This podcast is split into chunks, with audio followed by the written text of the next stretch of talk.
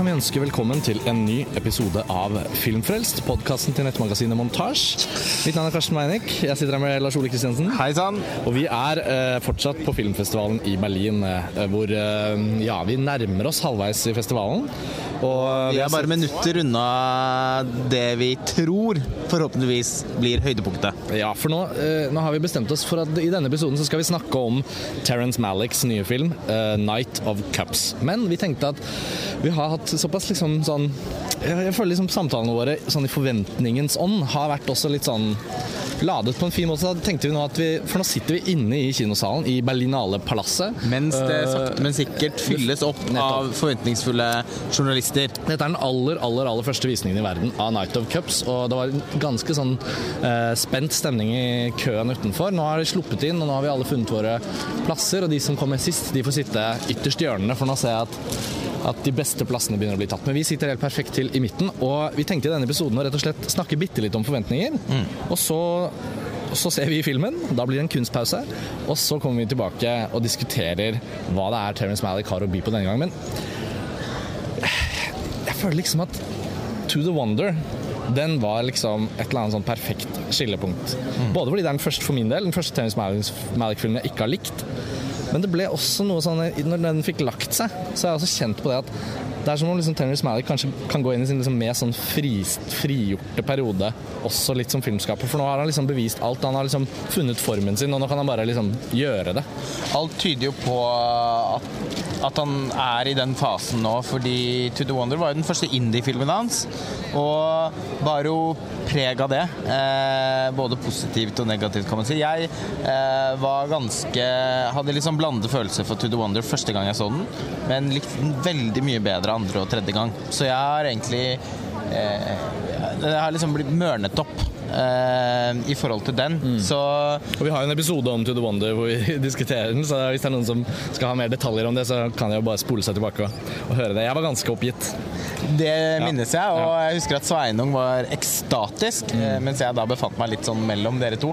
Men, eh, men i dag er det i hvert fall en film jeg liker veldig godt, og jeg syns det er interessant hvordan Malik eh, Han helt fra med Altså egentlig gjennom bare hele karrieren sin, men særlig fra med den tynne røde linjen, så begynner han liksom å eh, finne et helt sånn nytt, e veldig egenartet formspråk eh, med en kombinasjon av, av flere forskjellige voiceovere. Eh, nesten konstant bevegelig sånn steadicam. Eh, eh, bevegelige steadicam-bilder. Bildeflyten er liksom Han har dyrket frem et helt, helt eget uttrykk. Ja, litt sånn, eh, sånn, assos, eh, sånn assosiativ klipping som Og det blir jo enda sterkere i The New World, eh, som jeg hadde gleden av et gjensyn med nå før festivalen. Jeg må bare trekke inn det. det var så, jeg følte jeg måtte varme opp med noe Malik før det kom en ny Malik, og da valgte jeg meg New World, fordi den var det så lenge siden jeg har sett. Og det var også et helt fantastisk gjensyn. Og da ser man jo også hva fra da både den tynne røde linjen, som vi også har holdt mye med på i det siste pga. 90-tallslisten, Yes. og så i The New World, og så i Tree of Life, og så i To The Wonder, så er det liksom så jævlig hardcore at, Ja. at det bikket over for min del. For, for det er det som man kan se, da, at liksom for hver film så, så eksperimenterer han mer og mer med den slags formen han har funnet. Og i To The Wonder så er det akkurat som at, altså at hele filmen består av liksom mellomrom, eller av sånne scener som klippes vekk fra andre filmer. Altså scenene som skal fortelle historien, er de som er nappet vekk. Sånn at du bare sitter der med noen rester som eh, Og den så, og som igjen da liksom Han klarer å skape en veldig spesiell form for for poesi med det som et eh, virkemiddel. Men det er jo som du sier da også et ganske fremmedgjørende, et ganske fremmedgjørende grep. Eh, som gjør at det også balanserer veldig hårfint og mellom å være eh, en Malik, Malik, altså liksom Malik på sitt mest interessante og Malik på sitt mest parodiske.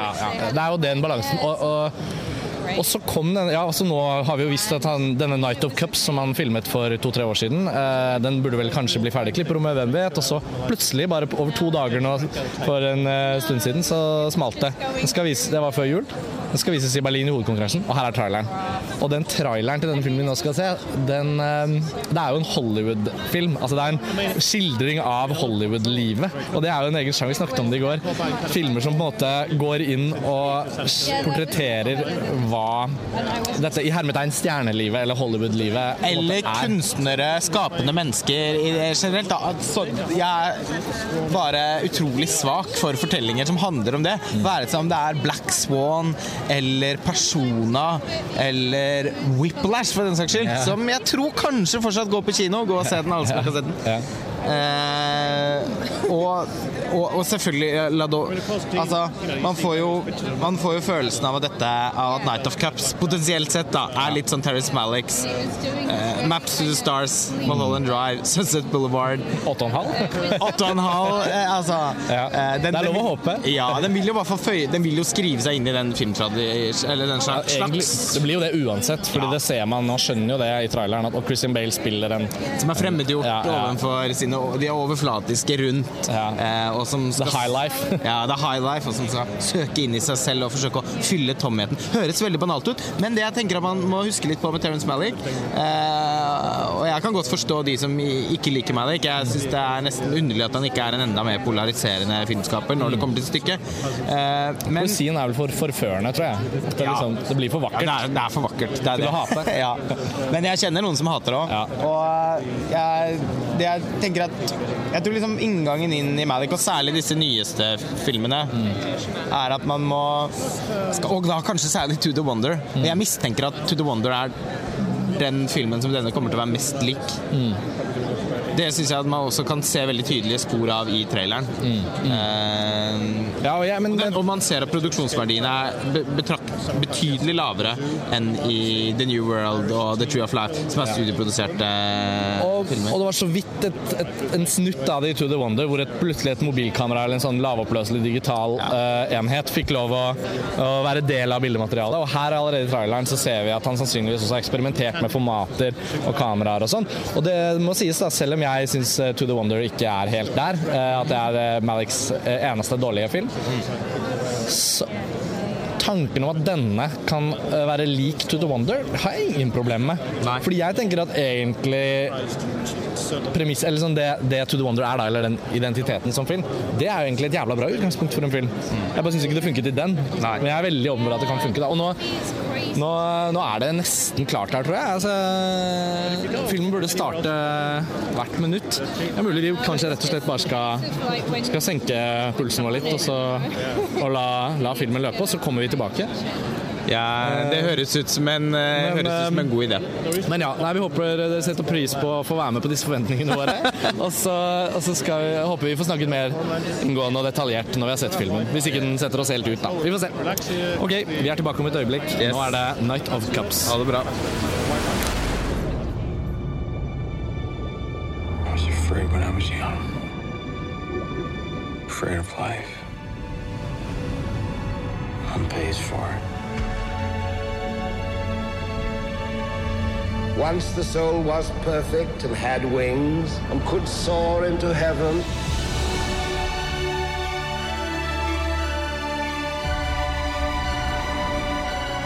You gave me peace,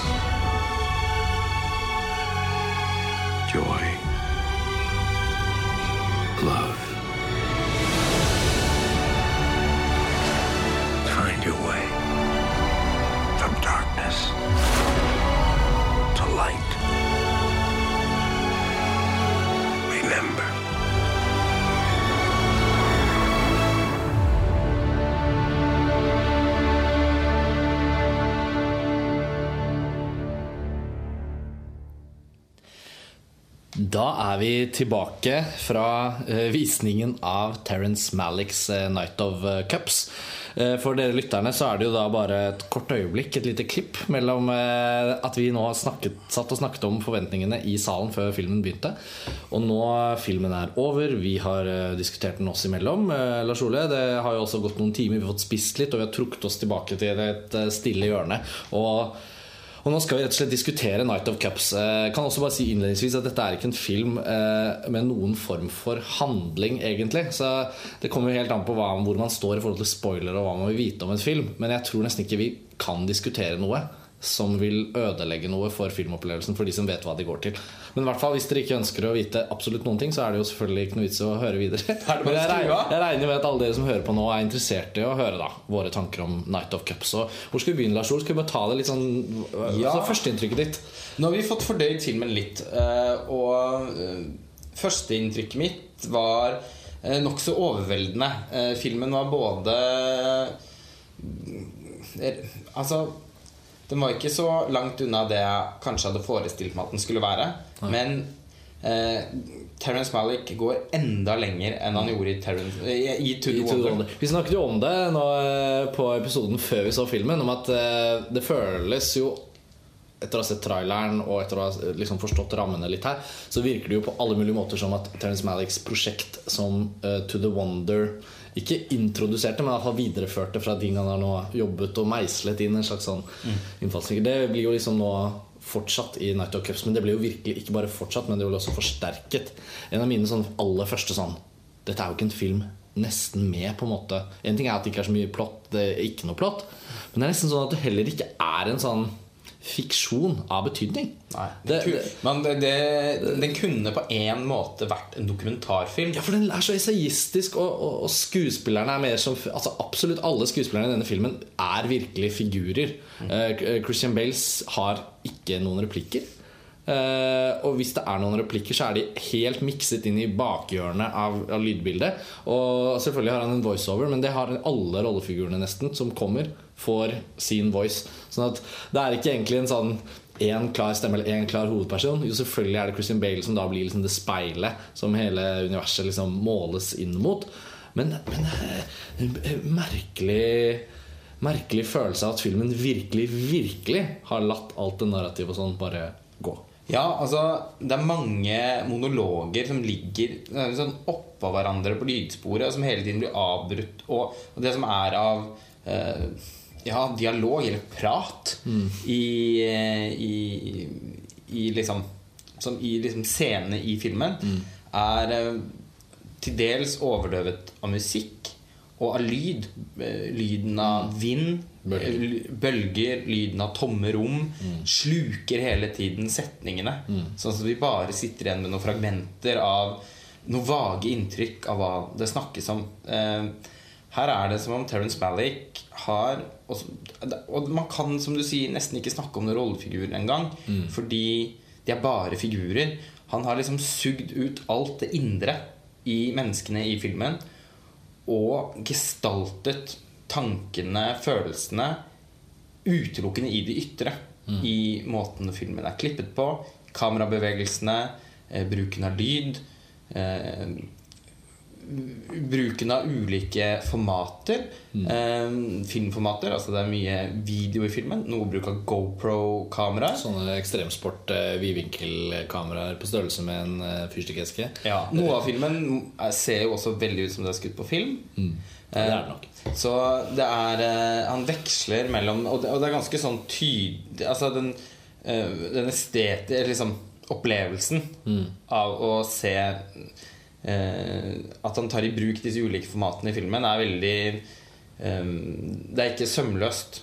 Det, liksom, det rykker litt igjen hver gang han skifter, på en bra måte, synes jeg. Men det, det er akkurat som han hele filmens form eh, forsøker å, å formidle alle de følelsene som figurene går rundt og bærer på, som er eh, fremmedgjorthet, rotløshet, forvirring, eh, en slags eh, Det er som om slags identitetssøken nå, kan man kanskje si. ja, det er som om alle står på liksom Balanserer på en grense mellom et liv som er fylt av masse innhold i form av liksom begiv, ustoppelige begivenheter, eh, seksuelle relasjoner eh, Men ikke emosjonelle relasjoner. Nei. Altså sånn eh, Det er mennesker som, som, som lever liv som på overflaten kan virke veldig spennende, men som eh, innerst inne liksom foretar en slags ørkenvandring. Eh, der de, det er altså helt bokstavelig i filmen. Ja. Og, og, og det morsomme med Til ingens overraskelse, hvis man har sett en, en av de siste Malik-filmene. Nei, og det er jo Mange snakket jo om at uh, Terrence Malick beveget seg ganske langt over i selvparodien med To The Wonder. Mm. det syns jeg til dels også han gjorde, selv om jeg forsonet meg med det. Etter hvert som, har forsonet meg med det etter hvert som jeg har sett filmen flere ganger. Eh, her går han enda lenger, men også så langt at jeg føler at eh, At han går videre. ja, og at det banale på en måte blir et poeng i seg selv. Ja, for Den store faren for en film som denne, altså Night of Cups, er jo å begynne å lefle med dramatiske scener. Når, når det enorme eh, byggverket av ikke-narrativ er så, så, ty, så, så helhetlig. Altså, eh, det kjente jeg på sånn cirka halvveis. Da tenkte jeg sånn Hvis det nå kommer en scene, og når jeg mener scene, så mener jeg da at det rekker å være tre, fire, fem replikker mellom to rollefigurer som får lov å være i fred fra filmskaperens eh, aktiviteter, til at man faktisk begynner å tenke å, nå skal det skje noe. Men det gjør jo faktisk filmen aldri. Eh, Jeg skulle til å bare si det nå Aldri? Nei, Det er aldri. ganske utrolig. Ikke én. Eh, Og, og det som er fascinerende altså, Og det er jo veldig helhetlig. Og skulle noen være i tvil, så snakker vi jo nå om en film som vi begge liker veldig godt. Ja. Så bare sånn i tilfelle det ikke fremgår av entusiasmen vår. Men det du sa i stad, eh, det slo meg bare at det var en scene fra filmen som var verdt å nevne. For det er jo så mange visuelle uttrykksmåter for denne tomheten som Terence Malick byr på i den filmen. Jeg tror uh, gjensyn med Night of Cups vil kunne avsløre en helt avsindig rikdom i, i rett og slett i motiver. Altså Det er så mange bilder i denne filmen. Den føles ikke hyperkjapt klippet, men det er noe med at den bare flyter og bytter og liksom glir. Men så er det ikke elliptisk heller, fordi, fordi det er så det er så opplagt i montasjen at, at det hoppes. Men i antall innstillinger i denne Ja, Malik-filmen det er er, eh, Nå er jo filmen kortere enn flere av de andre filmene hans, men liksom hvis, man hadde, hvis David Bordwell hadde sittet med stoppeklokken og gjort et Ja. regnestykke på hvor eh, lang hver innstilling var, så er den de betydelig Eller betraktelig kortere Ja, er enn, sånn- i, enn det som er vanlig for meg. Og ved at han holder en sånn rytme som strengt tatt bytter innstilling ganske raskt, men ikke føles eh, sånn eh, andpusten, så oppstår det sånn merkelig flyt. Men i hvert fall i en av de scenene som må kalles en liten scene, da, så kommer eh, Christian Bales rollefigur inn i leiligheten sin. Og han har vært inne i den leiligheten da eh, 10-15-20 forskjellige ganger i løpet av filmen. Enten i form av se små scener eller i form av glimt. Og plutselig så er det to eh, tyver eh, som, som, som raner leiligheten hans. da Men det blir heller ikke en scene. De rekker så vidt å slenge på en pistol, og så blir det noe sånn oppbrudd, og så blir det noe eh, montasje ut av det. Men en veldig treffende replikk som man så vidt kan høre i bakgrunnen der, er bare sånn en frustrasjon fra de to tyvene. Men at liksom Men du har jo ingenting her! Altså De er jo ute etter noe av verdi å stjele, og så får de liksom ikke finner de ingenting. Og så er det på en måte ikke en scene heller, Fordi da brytes det opp, og så flyter det videre. Men den tom, altså sånn, apropos det, da. Det er veldig mange av disse rommene som på en måte har en form for sånn glatt, modernistisk romslighet, og det ser ut som på en måte uh, mennesker som lever i rikdom.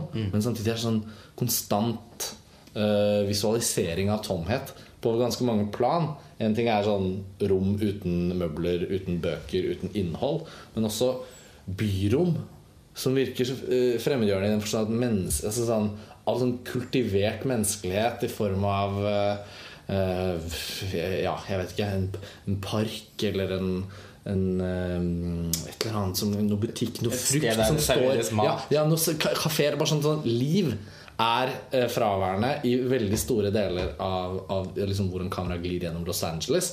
Og allerede i dag etter visningen så kommer vi jo i snakk med også, også i dialoger på Twitter at veldig mange som kjenner Los Angeles godt, som verken du eller jeg gjør, bortsett fra gjennom filmer, mente at dette var et av de absolutt mest interessante og kanskje mest ærlige Los Angeles-portrettene på film. Og det er jo gøy å høre, fordi man kjenner jo på filmen, i Night of Cups, at den, at den griper tak i noe ved Los Angeles som kanskje er en del av den byens identitet. Og disse tomme, evige motorveier, fly, altså sånne ting, bygninger som er så glatte og modernistiske at de virker helt meningsløse. Og når da filmen skulle jeg til å si har disse små, varme øyeblikkene, da, særlig en scene i starten som du også påpekte, med disse barna som leker i gresset altså sånn, Den har noen sånne hypernære humanistiske øyeblikk som de ender opp med å stå i veldig kontrast til det filmen ellers gjør. da Ja, og han, Malik spiller jo da veldig på den litt sånn seige midlertidigheten i de eh, i de moderne settingene. eh, Som han setter opp mot en sånn, nesten sånn sakral eh,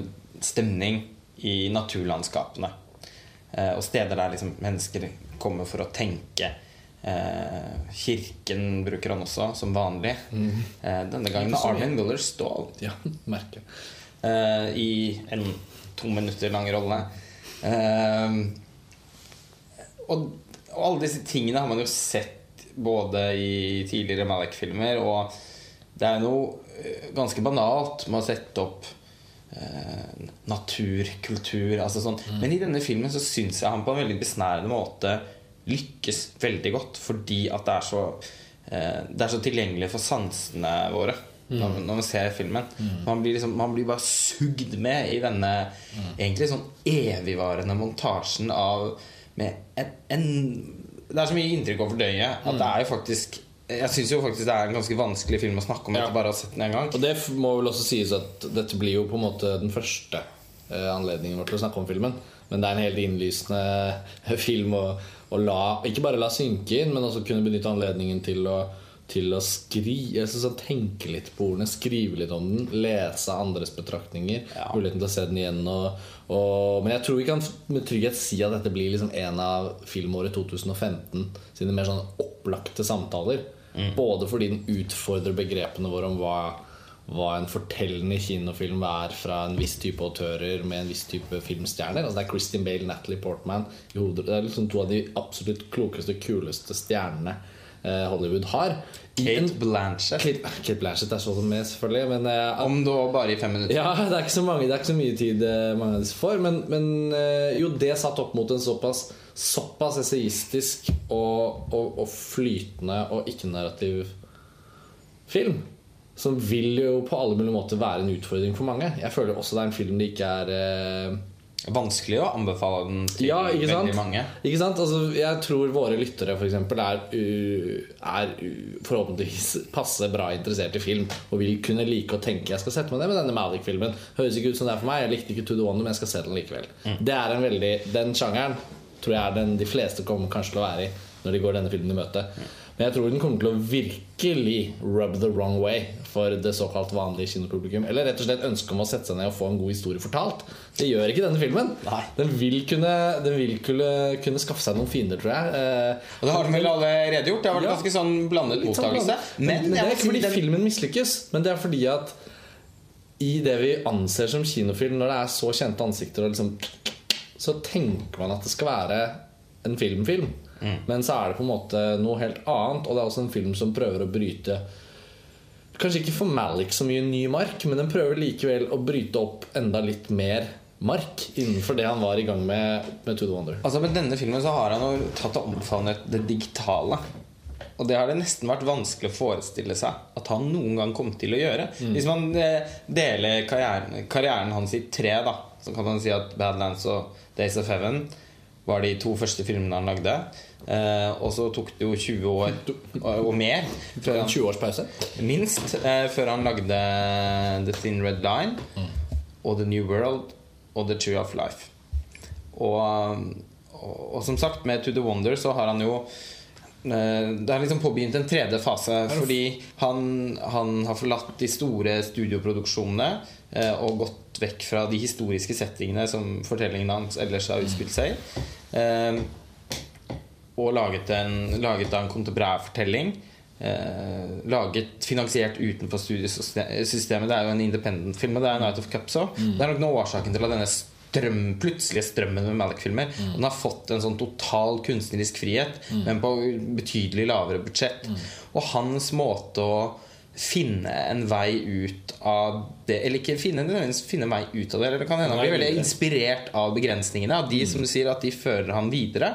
Og, og, og det at han liksom ganske glupskt tygger i seg potensialet eh, med en digital look.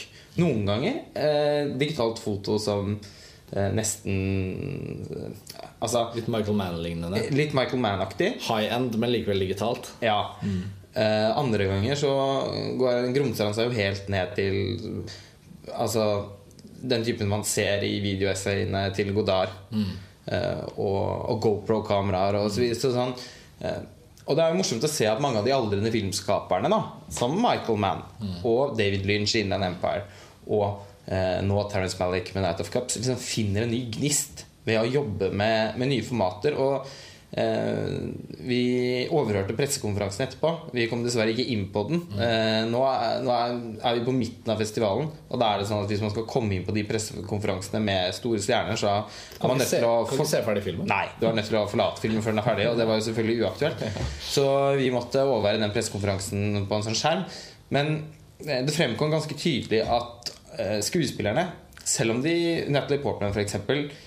ikke hadde en spesielt stor rolle, og sannsynligvis også var klippet veldig ned, som de fleste ender med å bli, eh, de ga uttrykk for at det hadde vært et veldig, veldig spennende samarbeidsprosess hvor Terence Malick var veldig opptatt av at alle skulle føle seg delaktige i å ja, om ikke fortelle historien, for den, for den er vanskelig å finne, men eh, på liksom eh, skildre det miljøet som filmen kaster et blikk på. Som er da underholdningsbransjen Bransjen. i Hollywood. Ja. Jeg blir, jeg blir, for det føles søkt å si filmbransjen, for det er Ja, så mye fashion og Ja, det, og det er ikke bare Hollywood. eller sånn, Det er jo hele det California-sentrerte underholdningsmiljøet, kan man kalle det, som Los Angeles er liksom bolig for, da. Ja. I, I sin vidtstrekkende betydning. Det er, par, det er partyjenter, det er partygutter, det er filmfolk, det er motefolk, det er uh, rikfolk Det er liksom det er hele dette Billedkunstneret billedkunstnere. av Ja, nettopp. Så um, man kan lese på det synopsiset vel at uh, som mm.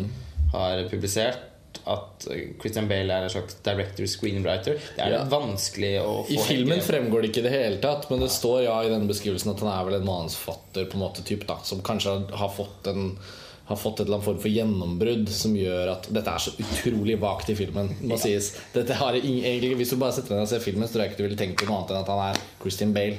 Eh, en, en, en kjekk, liksom eh, karismatisk-aktig eh, person som har alle muligheter i Los Angeles og glir inn og ut av disse miljøene, og hvem vet hva han holder på med. Man- han Ja. uttrykker, uttrykker jo ikke noen form for tilhørighet til noen ting. Nei, og man kunne forestilt seg, som vi var inne på i stad, at filmen Det er en morsom tanke å se for seg denne filmen som en dokumentar der hvor Christian Bale spiller Christian Bale som en da En slags eh, Ikke helt Altså Noe imellom Noe i liksom et slags eh, Kanskje nesten som en en, en blanding mellom dokumentar og mokumentar. Der Christian Bale spiller en bestemt versjon av seg selv.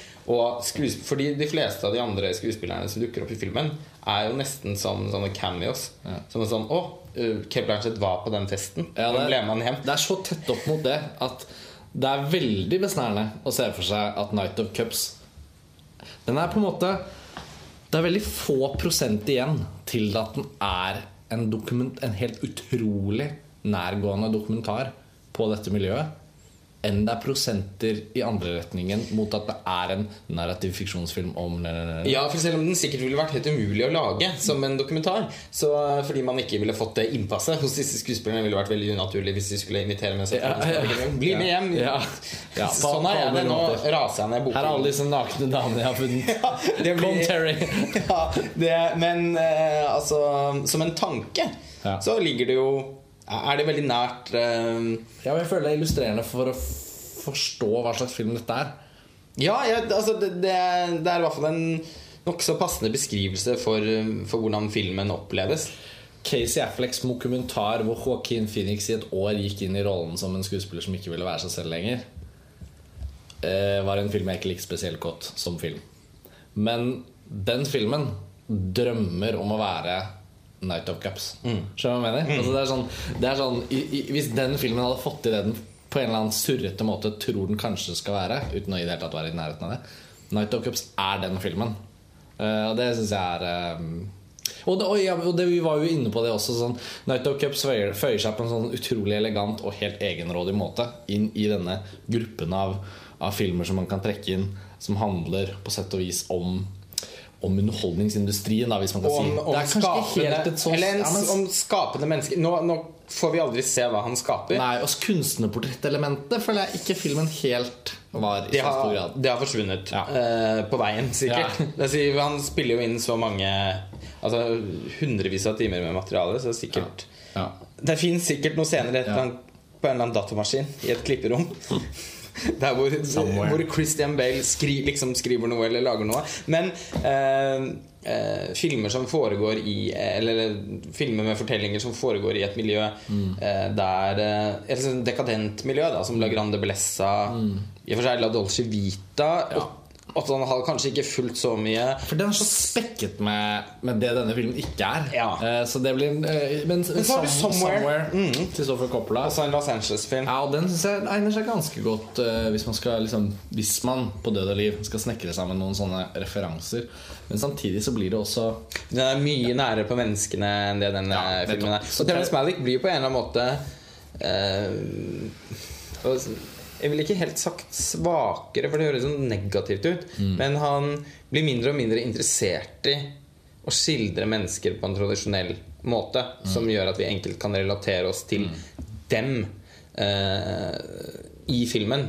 Det blir, det blir mer eh, han, han utforsker menneskelige følelser gjennom, som vi snakket om i stad, mer sånn filmspråket alene. Og, og den Han forsøker å nå fram til oss med en følelse som kan kommunisere det rollefigurene bærer rundt på. Men eh, hvor, altså sånn, skillelinjene mellom hva man selv leser inn i filmen, og hva som faktisk er der, og hvor, det er ofte litt sånn vagt og flyter litt over i hverandre. Og eh, men jeg syns Men jeg syns han lykkes med å, å skildre kaoset.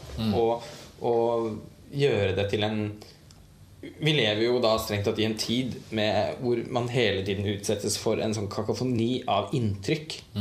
Og det er mange filmer som har utforsket det, men eh, på grunn av Terence Malick sin Altså hans stil, og nå mer og mer idiosynkratiske stil som filmskaper, passer veldig, veldig godt til, til den slags. Helt enig. Altså, jeg tror virkelig han eh, Og jeg tror ikke det nødvendigvis det er bevisst, men han, han føyer seg jo på, på merksnodig vis inn i en serie av filmer som ganske unge filmskapere har har holdt på med. da eh, Nå blir Sofo Coppola også aktuell med altså, å trekke inn Bling Ring, f.eks. Mm. Det er jo selvfølgelig også mye mer narrativ og mye mer karakterdrevet selvfølgelig enn- enn det Night of Cups er. Men, men, men og Michael Mann på den andre siden altså det, det er sånne Det er et eller annet her. Vi snakket som jo nettopp for, for et Eh, par-tre episoder siden på Filmfrelst så snakket vi jo om Black Hat. Ja. Eh, Jeg har hatt en frist i minnet Og jeg, visste, jeg hadde ikke forestilt meg at Night of Cups av Terence Malick skulle få meg til å tenke så mye på Michael Mann som den filmen her har gjort. Men det- det er jo faktisk Og det har selvfølgelig med Los Angeles å gjøre, men det har også med et eller annet Malick plutselig har bikket over i. Du sa dette med det digitale, og jeg tror det er en større del av Night of Cups egenart enn det vi kanskje trodde på forhånd. Den har noe sånt Det, det, er nok med- den største, det var nok den største overraskelsen Ja. i filmen uh, Ja. for meg. Og, uh, men vi snakket mye om i Black Hat-podkasten hvordan Michael Mann blir mindre og mindre interessert i å fortelle en historie, og i, å, i at det er rollefigurene i seg selv som liksom skrevne eh, figurer vi skal forholde oss til.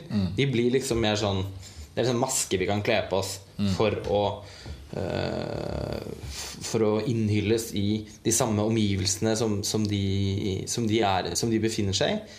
Og sånn er det veld, i veldig stor grad i, i Night of Cups. Og, men det er også noe med Altså På en måte så For hver eneste film Terence Malick lager nå, så ligner det mindre og mindre på noe annet. Ja, det er ikke for å altså Han har jo hatt en voldsomt tydelig identitet som filmskaper hele, hele tiden. Han har jo aldri laget en film som ligner egentlig særlig mye på noe, noe annet har gjort, selv om det er veldig mange som har blitt veldig inspirert. Ja, ja. som har blitt veldig inspirert. Men man har ikke sett så mye tilbake der. Han har liksom holdt på med sitt. Men han filmer seg også liksom litt inn i et hjørne mer og mer. Ja. Ehm, men denne gangen så kommer han nesten sånn igjennom veggen. Eh, det følte jeg ikke helt han gjorde. Han, sto mer og stanget med Tude Wonder, syns jeg. Her, denne Miljøet han skal, skal vise frem i denne filmen, egner seg mye mer for, for, for hans tilnærming. Selv om jeg som sagt også har fått ganske varme følelser Jo, men men, det blir, men det handler om noe litt andre ting. Ja. Eh, der syns jeg jo en del av eh, måten har liksom nærmet seg miljøet på, parrelasjonen, eh, suburbia Det, det syns jeg han har gjort markant bedre i andre filmer, som The True of Life. Eh, kanskje særlig den.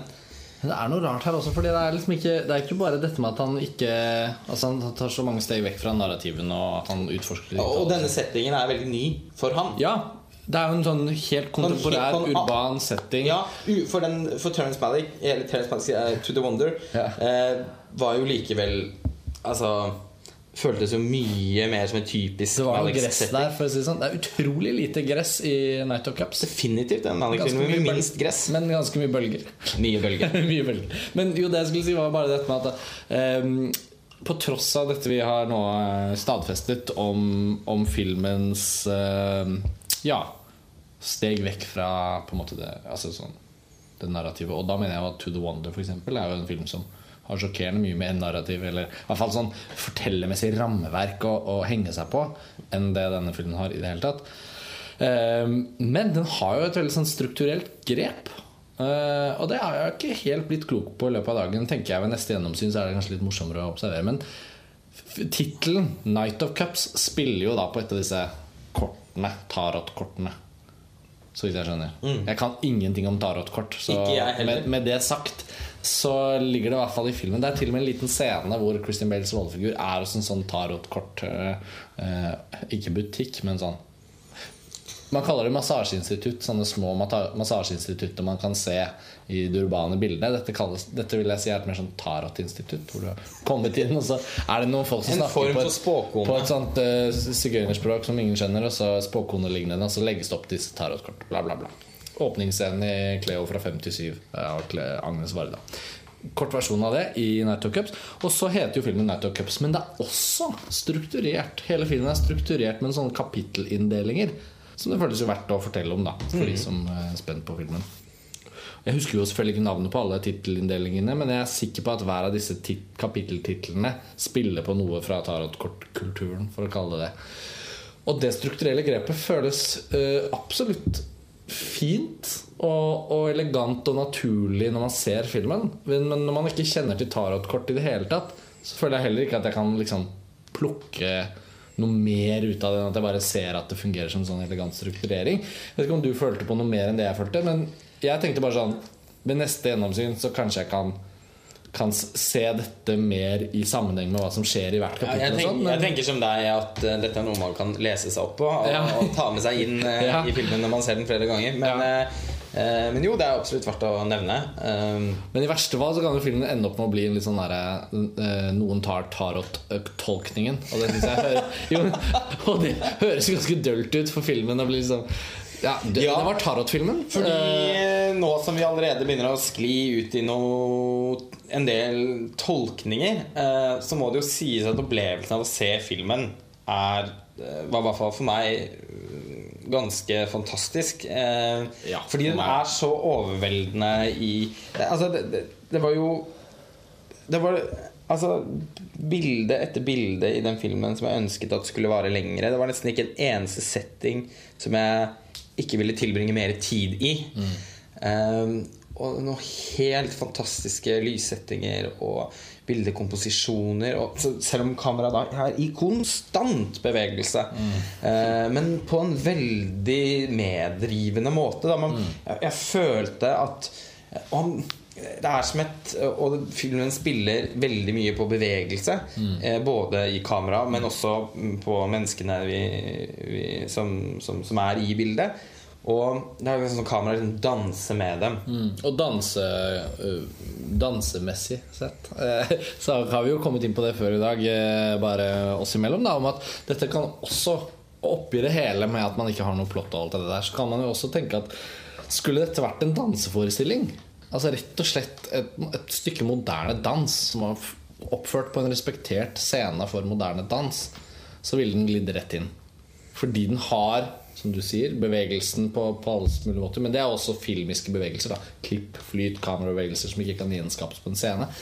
Men det er noe med også at figurene er så utrolig lite rollefigurer med kjøtt og blod. Altså Det er ikke noe av dette. Må ikke forvente det. Det er sånn spøkelser Kritikk- ja, som ja, spøkelser og figurer blafrende liksom inn og ut. Og det er ikke en film som, som, som det føles i det hele tatt uh, fornuftig å kritisere for mangel på sånn tre, såkalt tredimensjonale menneskeskikkelser av kjøtt og blod. og sånn Men det er, filmen, det, er ikke, det er ikke det den handler om. Den Den er ikke interessert i det Den er ikke interessert i det Det fins ikke sånne rollefigurer. Den er ikke ment sånn. Den er mye lettere å, å begripe på en riktig måte hvis man ser på f.eks.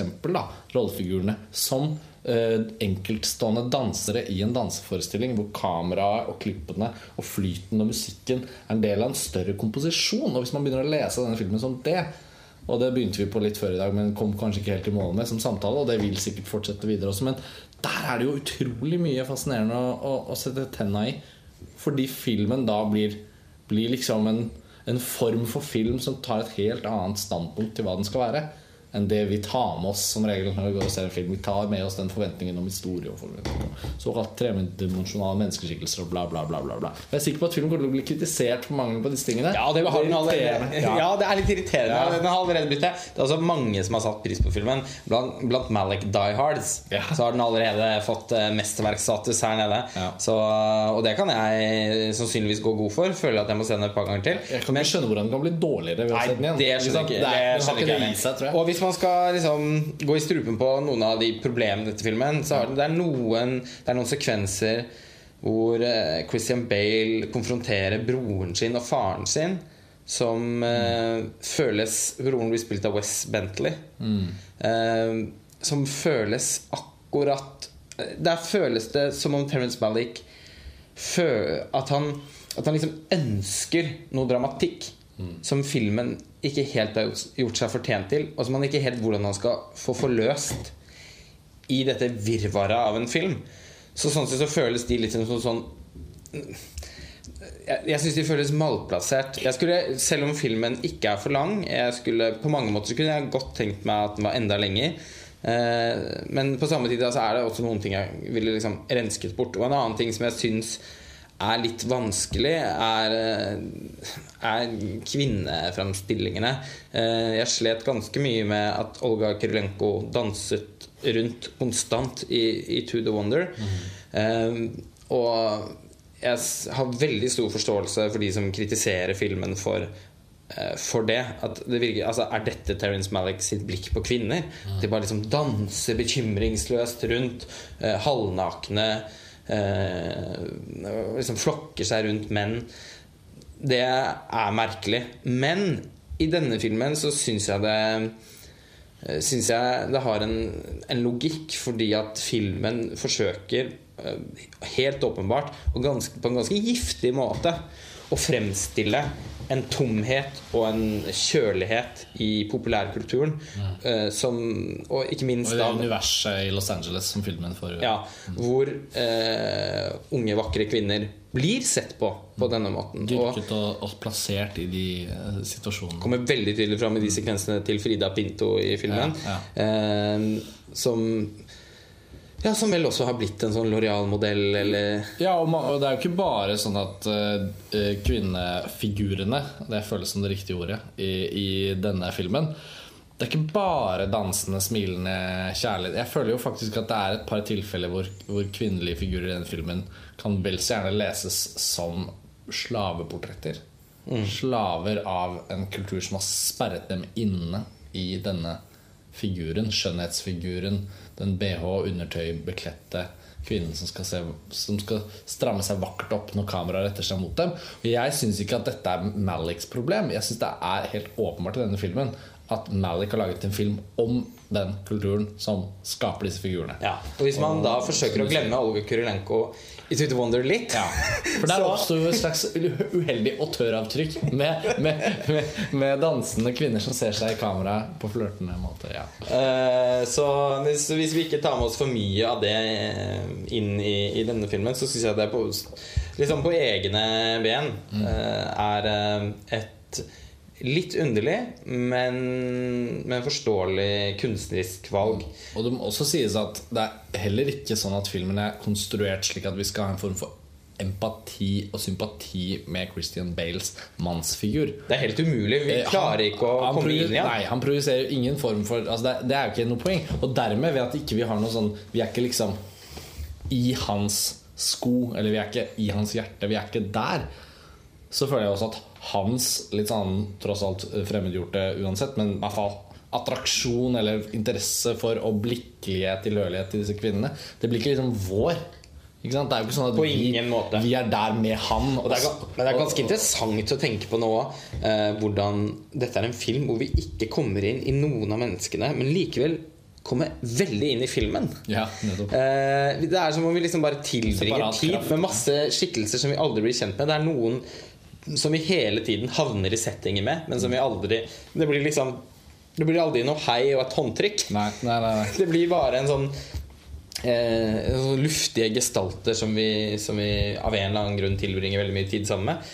Og, mm, og alle de tingene Det, det føles litt sånn utgrunnelig. Det er vanskelig å finne de rette ordene.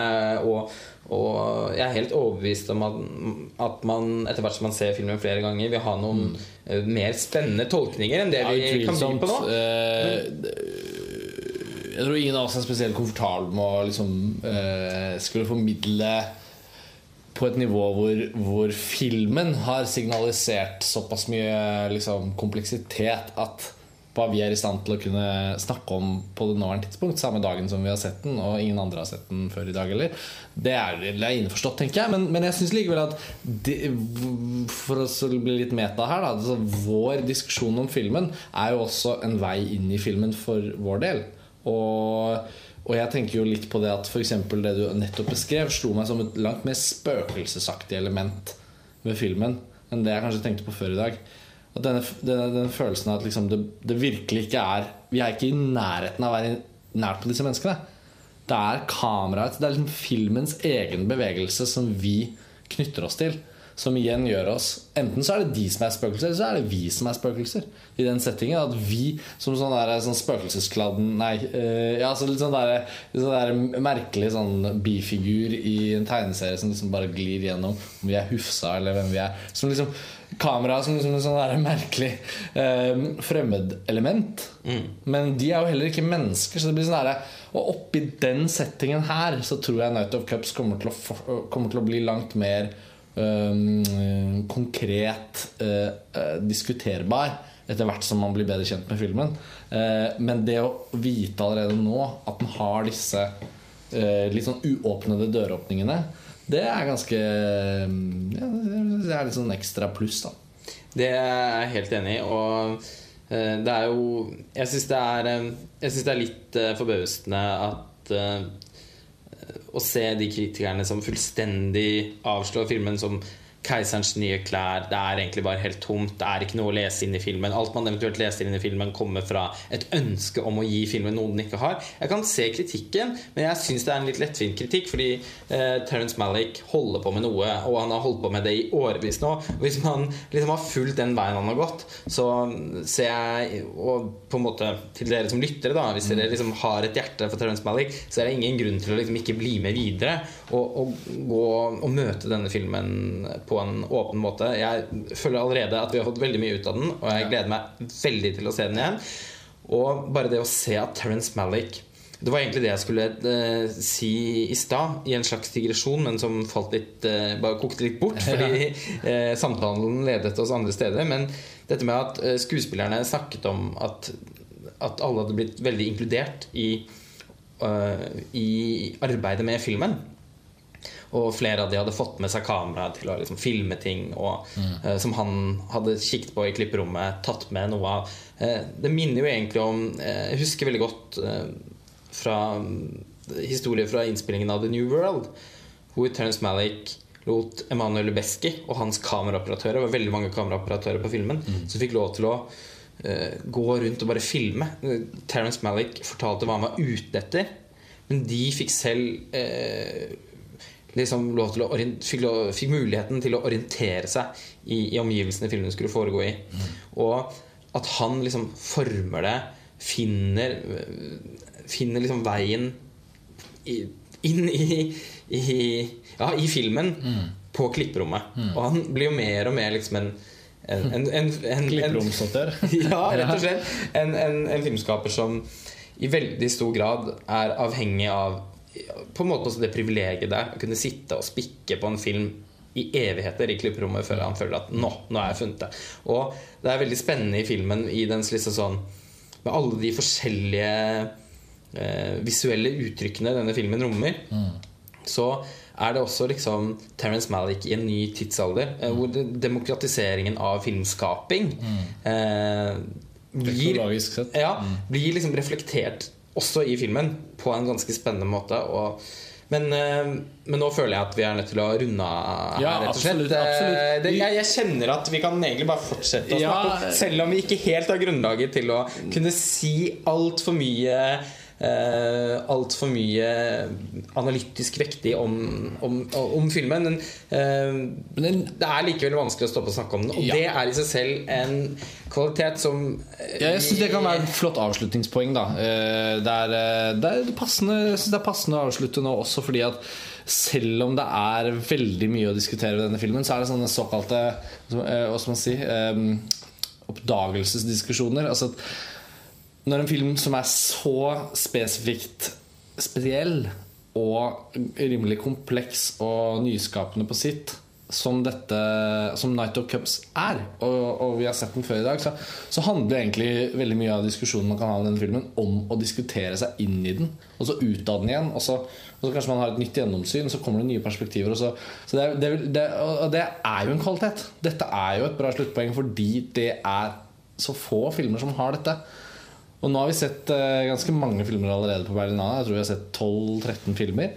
Og, og, og når noe er så dårlig som de to vi diskuterte i forrige episode, da så blir man jo bare sånn Man føler liksom at alle de tusen menneskene som satt i salen, ble dummere av å se filmen. Eh, tilfellet med Night of Cups er jo selvfølgelig komplett motsatt. At eh, det er en type film som også Som skiller litt sånn kritiker-Clinton fra veten. da Hvis ikke du er åpen og interessert i å diskutere en film som dette. Det er helt fair, men da er det jo også sånn ja. Det for i en lost Det er- det er- opportunity. Ja, lost, nettopp det jeg skal frem til. At liksom det er sånn lost opportunity. Og er liksom, vi er her for å dyrke og utforske og se hva som foregår og gryr og yrer i filmkulturen anno 2015. Og er det én ting man faen meg kan si om Night of Cups og Terence Malick, så er det at han har, han har liksom Han har tatt med en ny sort alkohol til bordet og sagt sånn Her, ta en slurk. Det er ikke sikkert det smaker dritgodt med en gang, men, det er kjenn veldig sterkt. Ja, og kjenn på effekten. Eh, Så med det så kan vi kanskje avslutte og si at uh, vi er beruset uh, av Malik og av at Berlinalen har satt et voldsomt kvalitetshopp. Det er gledelig på alle Fra å nesten føle at man ble litt mindre glad i film Ja. av å se noen av de første filmene her, så, så at, er vi på veldig god vei mot å få en, en potensielt eh, virkelig sterk Berlinale-årgang. Vi har sett noen andre filmer også som de setter like høyt som Night of. Cups, og de skal vi snakke og skrive mer om eh, veldig snart. Ja. Takk, som jeg alltid pleier å si. Jeg syns det er veldig viktig. Vi er så glad for at dere hører på Filmfrelst. Og vi setter stor pris på deres tilbakemeldinger og for at dere følger med på det vi gjør. Vi setter, ja, Det Karsten sa. Ja, vi, setter, vi, setter, vi ser frem mot uh, å kunne snakke oss frem til neste episode her fra Berlin. Inntil videre så får dere bare ha en uh, fin uh, uke, og så høres vi igjen snart. Ha det bra. Ha det bra.